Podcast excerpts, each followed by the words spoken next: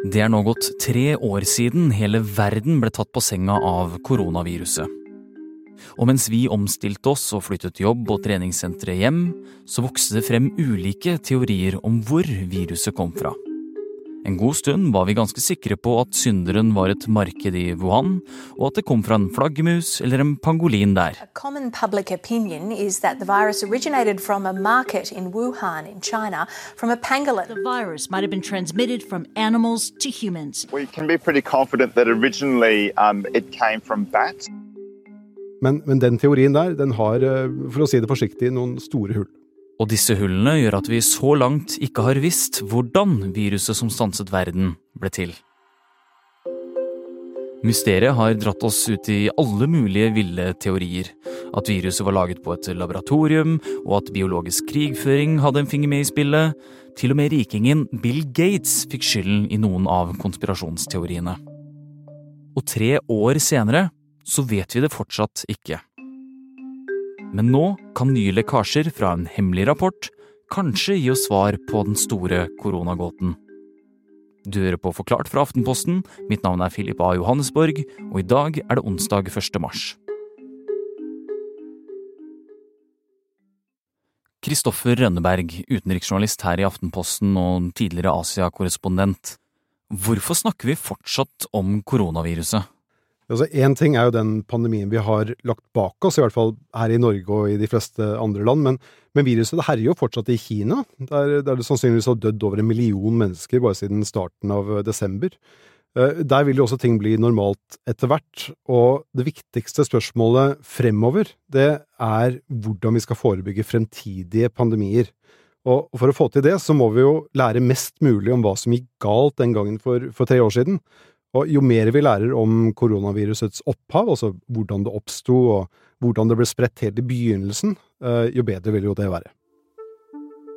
Ja, for En av de tidlige teoriene til virusets opphav har jo involvert skjelldyret pangolin og flaggermus. Hva går den teorien ut på? De fleste ekspertene de ser ut til å være enige om at viruset opprinnelig dukket opp i en spesiell type flaggermus i en hule i, i Kina. Men dette viruset kan ikke bare hoppe hoppe rett fra en sånn flaggermus til et menneske. Altså det, det, må mutere sånn at også mennesker kan bli smittet. Og, og på den måten så, så, lever viruset av seg selv og bestemmer sine egne sprell. For, for 20 år siden så var det akkurat det som skjedde da et koronavirus spredte seg via et dyr, sannsynligvis en såkalt snikekatt, til, til mennesker i, i Sør-Kina og i, i Hongkong. Snikekatt? En snikekatt er Du kan tenke deg en blanding av av en eh, skal vi si, katt og en en vaskebjørn. En, en, søt liten eh, skapning som noen også da liker å, å spise. Og da fikk vi SARS-epidemien som drepte flere hundre mennesker. Men denne pandemien som, som startet i, i, 2019, den er det også mange som mener at uh, der har det vært et dyr som har vært et mellomledd, f.eks. da en, en pangolin, eller, eller, andre dyr som kan ha blitt solgt på, på et stort kjøttmarked i, i Wuhan. Men, men, den teorien der, den har, for å si det forsiktig, noen store hull. So, this is where authorities believe the source of the coronavirus is. It's the wildlife and seafood it's market. It's believed that the virus may have originated from a market in the city where people can buy an assortment of wild game meat. det største mysteriet det er hvilket dyr som i så fall var dette mellomleddet. Altså, det er ingen som har klart å peke nøyaktig på hvordan dette viruset kom seg fra en flaggermus og til et menneske. Det er ikke engang bekreftet at de solgte pangolinkjøtt på, på dette markedet i, Wuhan, selv om det ble solgt veldig mange typer uh, vilt kjøtt der før det, før det stengte i desember uh, 2019. Så med andre ord så har vi et missing link. Altså vi mangler den rykende pistolen, for å si det på den måten, noe som kan gjøre det lettere å slå fast at viruset ble spredt på, på naturlig vis. Og denne manglende linken er bare én av tre grunner som strider mot teorien om at det er et dyr som har smittet oss mennesker. Grunn nummer to er at Kina holdt tett om viruset, og det fra dag én. Kinesiske myndigheter la et stort lokk over all informasjon om dette viruset da, da det først ble oppdaget i Wuhan på, på tampen av 2019. Altså Allerede i desember det året så ble uttrykk som reiseforbud og smitte mellom mennesker det, det ble sensurert i sosiale medier. Og leger som prøvde å varsle hverandre om dette viruset, de ble innkalt til politiet, og der fikk de en reprimande av politiet i, i Wuhan. En av dem det var øyelegen Li Wenliang, som mange husker sikkert ham. Han døde jo senere av, av dette viruset. Eh, rundt nyttår, altså mellom 2019 og 2020, så var det mange i Wuhan som skjønte at det var et nytt og farlig virus som var i ferd med å spre seg rundt i, i befolkningen. Men da begynte vel de kinesiske alarmklokkene å ringe? Ja, det ringte nok internt, men uh, utad så, så, valgte myndighetene å late som at alt var normalt. De gjennomførte til og med en sånn gigantisk feiring av kinesisk nyttår i, i slutten av januar 2020, og det var en hendelse som viste seg å bli en, helt gigantisk smittefest. Og fordi grensene de ble ikke stengt ut av byen, så fikk viruset også da mulighet til å spre seg ut i Kina, og, og så til resten av verden etterpå. Så det var helt tydelig at myndighetene var mer opptatt av å stanse informasjon om viruset enn å stanse selve viruset. Ja, og så har du den tredje grunnen, da. Den finner vi i en gradert amerikansk rapport. En rapport som gir nytt liv til lab-teorien. The Department of Energy has concluded COVID 19 likely came from a lab leak in China. That the coronavirus pandemic most likely did not emerge naturally but it did come from a laboratory leak. In terms of what they believe caused COVID-19 to emerge. At det var på et laboratorium i Wuhan alt startet.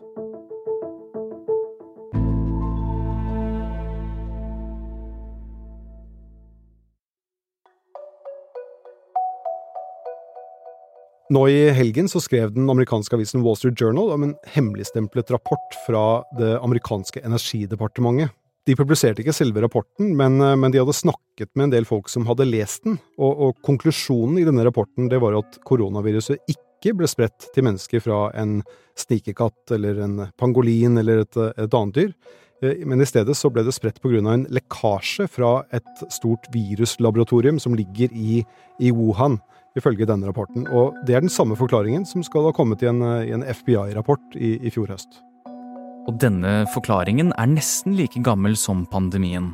Men lablekkasjeteorien ble raskt avvist. Ganske tidlig ble den faktisk kalt svært usannsynlig i en rapport fra Verdens helseorganisasjon, altså WHO. Det er ikke så rart at mange begynte å peke på dette laboratoriet allerede da, da nyheten om det nye koronaviruset ble, ble kjent. Så dette var Kinas største forskningssenter på akkurat denne typen virus, og så ligger det bare halvannen kilometer unna dette beryktede kjøttmarkedet i, i, Wuhan. Så det er mange som har forsket på denne teorien i, i, flere år nå. Men eh, så er det også mange som har avvist den, eh, mest av alt fordi det, det finnes ikke noen håndfaste bevis heller for denne teorien. Altså blant annet så, så, dro en ekspertgruppe fra Verdens helseorganisasjon til Wuhan i, i, 2021, og de konkluderte med at viruset sannsynligvis ble spredt via et dyr, og at det var usannsynlig at det var en lekkasje fra, fra laboratoriet. Men eh, denne ekspertgruppen de fikk ikke tilgang til selve laboratoriet, og det gjorde det jo vanskelig å hente inn den informasjonen de, de prøvde å finne. Og så må jeg legge til at i fjor sommer så kom organisasjonen, altså WHO, Verdens helseorganisasjon, med en ny melding der de etterlyste nye etterforskninger, og WHO-sjef Tedros Gebreyesus han gikk til og med så langt at han sa at han hadde jobbet på laboratorium før, og han visste at det lett kan oppstå uhell ved sånne laboratorier, og det blir jo ikke noe mindre spekulasjoner av det.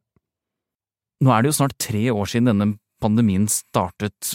Hvorfor kommer denne lekkasjen akkurat nå? Vi vet ikke hvorfor disse lekkasjene kom akkurat nå, men det som er sikkert, det er at spekulasjonene er blitt en stor del av maktspillet som pågår mellom Kina og USA. Og forholdet mellom Kina og USA er ikke akkurat megabra. Sannsynligvis har du hørt en del om hvordan disse to stormaktene nærmest krangler åpent med hverandre, og det på ulike måter. De siste ukene så har vi jo snakket om ballonger og ufoer og avlyste besøk fra en amerikansk utenriksminister. Og, og, alt som smaker av kritikk mot Kina nå, det blir uh, tatt ganske varmt imot av amerikanske politikere. Spesielt nå som republikanerne har overtalt flertallet i Representantenes hus. Ja vel, hvorfor det? Altså, Både demokrater og republikanere er enige om at de skal ha en mer kritisk tilnærming til Kina. Det er nesten konkurranse mellom dem om å være mest mulig kritisk. Men som det ser ut nå, så er republikanerne enda mer haukete enn demokratene. Og de har laget en egen komité i, i, Representantenes hus hvor de skal granske Kinas handlinger overfor USA. Og han som leder utenrikskomiteen i huset, han heter Michael McCall, han har ropt i flere år at eh, han mener at viruset stammer fra dette laboratoriet i, i Wuhan. Så, så jeg, jeg, tror ikke at noen kommer til å bli overrasket uh, hvis det i månedene fremover blir høringer i Kongressen om dette spørsmålet.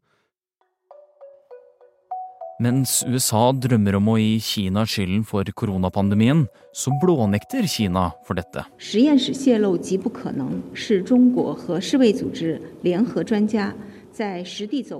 Kinesiske myndigheter de har hele tiden sagt at alle spekulasjoner om dette viruslaboratoriet bare er tøys. Og, de mener at det er politiske motiver som ligger bak teorien, og, og på et tidspunkt så hintet de til og med om at viruset kanskje stammet fra et amerikansk laboratorium. Men eh, de, de, slipper jo fortsatt ikke til internasjonale eksperter som kan etterforske dette grundig, og, og dermed så blir det jo ord mot ord. Så da, da sitter vi her fortsatt med, med, to helt forskjellige teorier, der ingen av dem er skikkelig bevist eller motbevist. Og den ene teorien det er da at viruset har kommet fra et dyr, og den andre er at viruset har lekket fra et laboratorium. Hvor sannsynlig er det at, et, at viruset kommer fra en lab, da? Altså, i, i vitenskapsteorien så er det noe som heter Occams barberblad, og det prinsippet går ut på at hvis man har to ulike hypoteser i en sak, da er det sannsynligvis den enkleste av de hypotesene som er den riktige.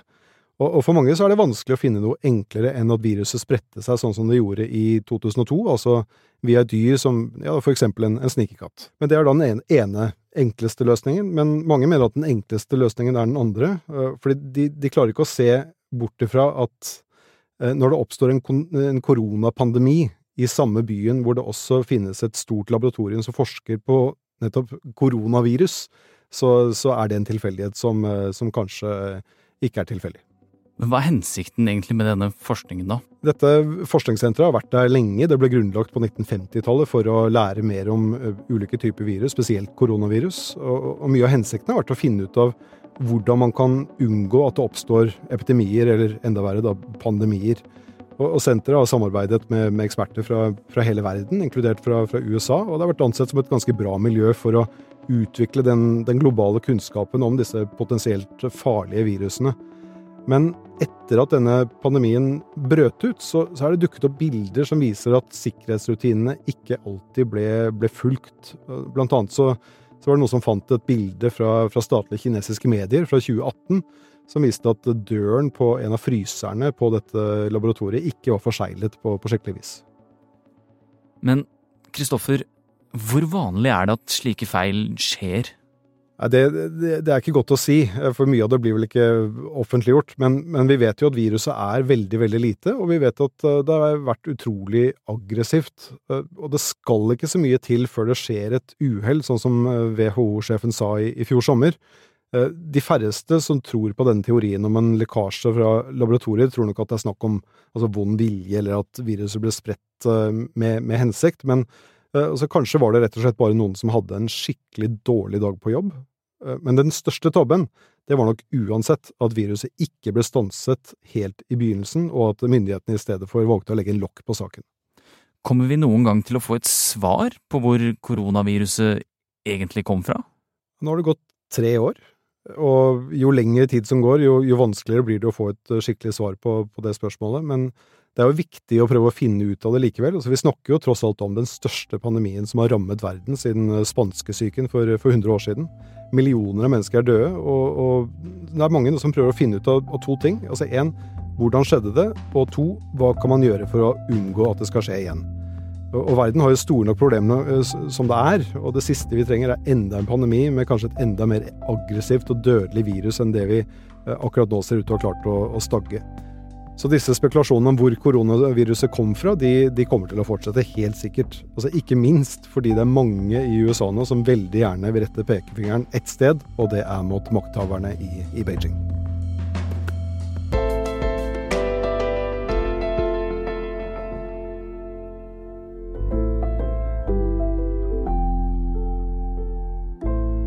Du har hørt Forklart fra Aftenposten, i dag med Kristoffer Rønneberg, som snakket om det mulige opphavet til koronaviruset. Lyden er hentet fra AP, Bloomberg, CNN, NBC News og ABC News. Dagens episode er laget av produsent Synne Søhol og meg, Philip A. Johannesborg. Resten av Forklart er Jenny Føland, David Vekoni, Trond Odin Johansen, Olav Eggesvik og Anders Weberg. Takk for at du lytter til Forklart, og husk, du kan høre oss overalt hvor du liker å høre på podkast.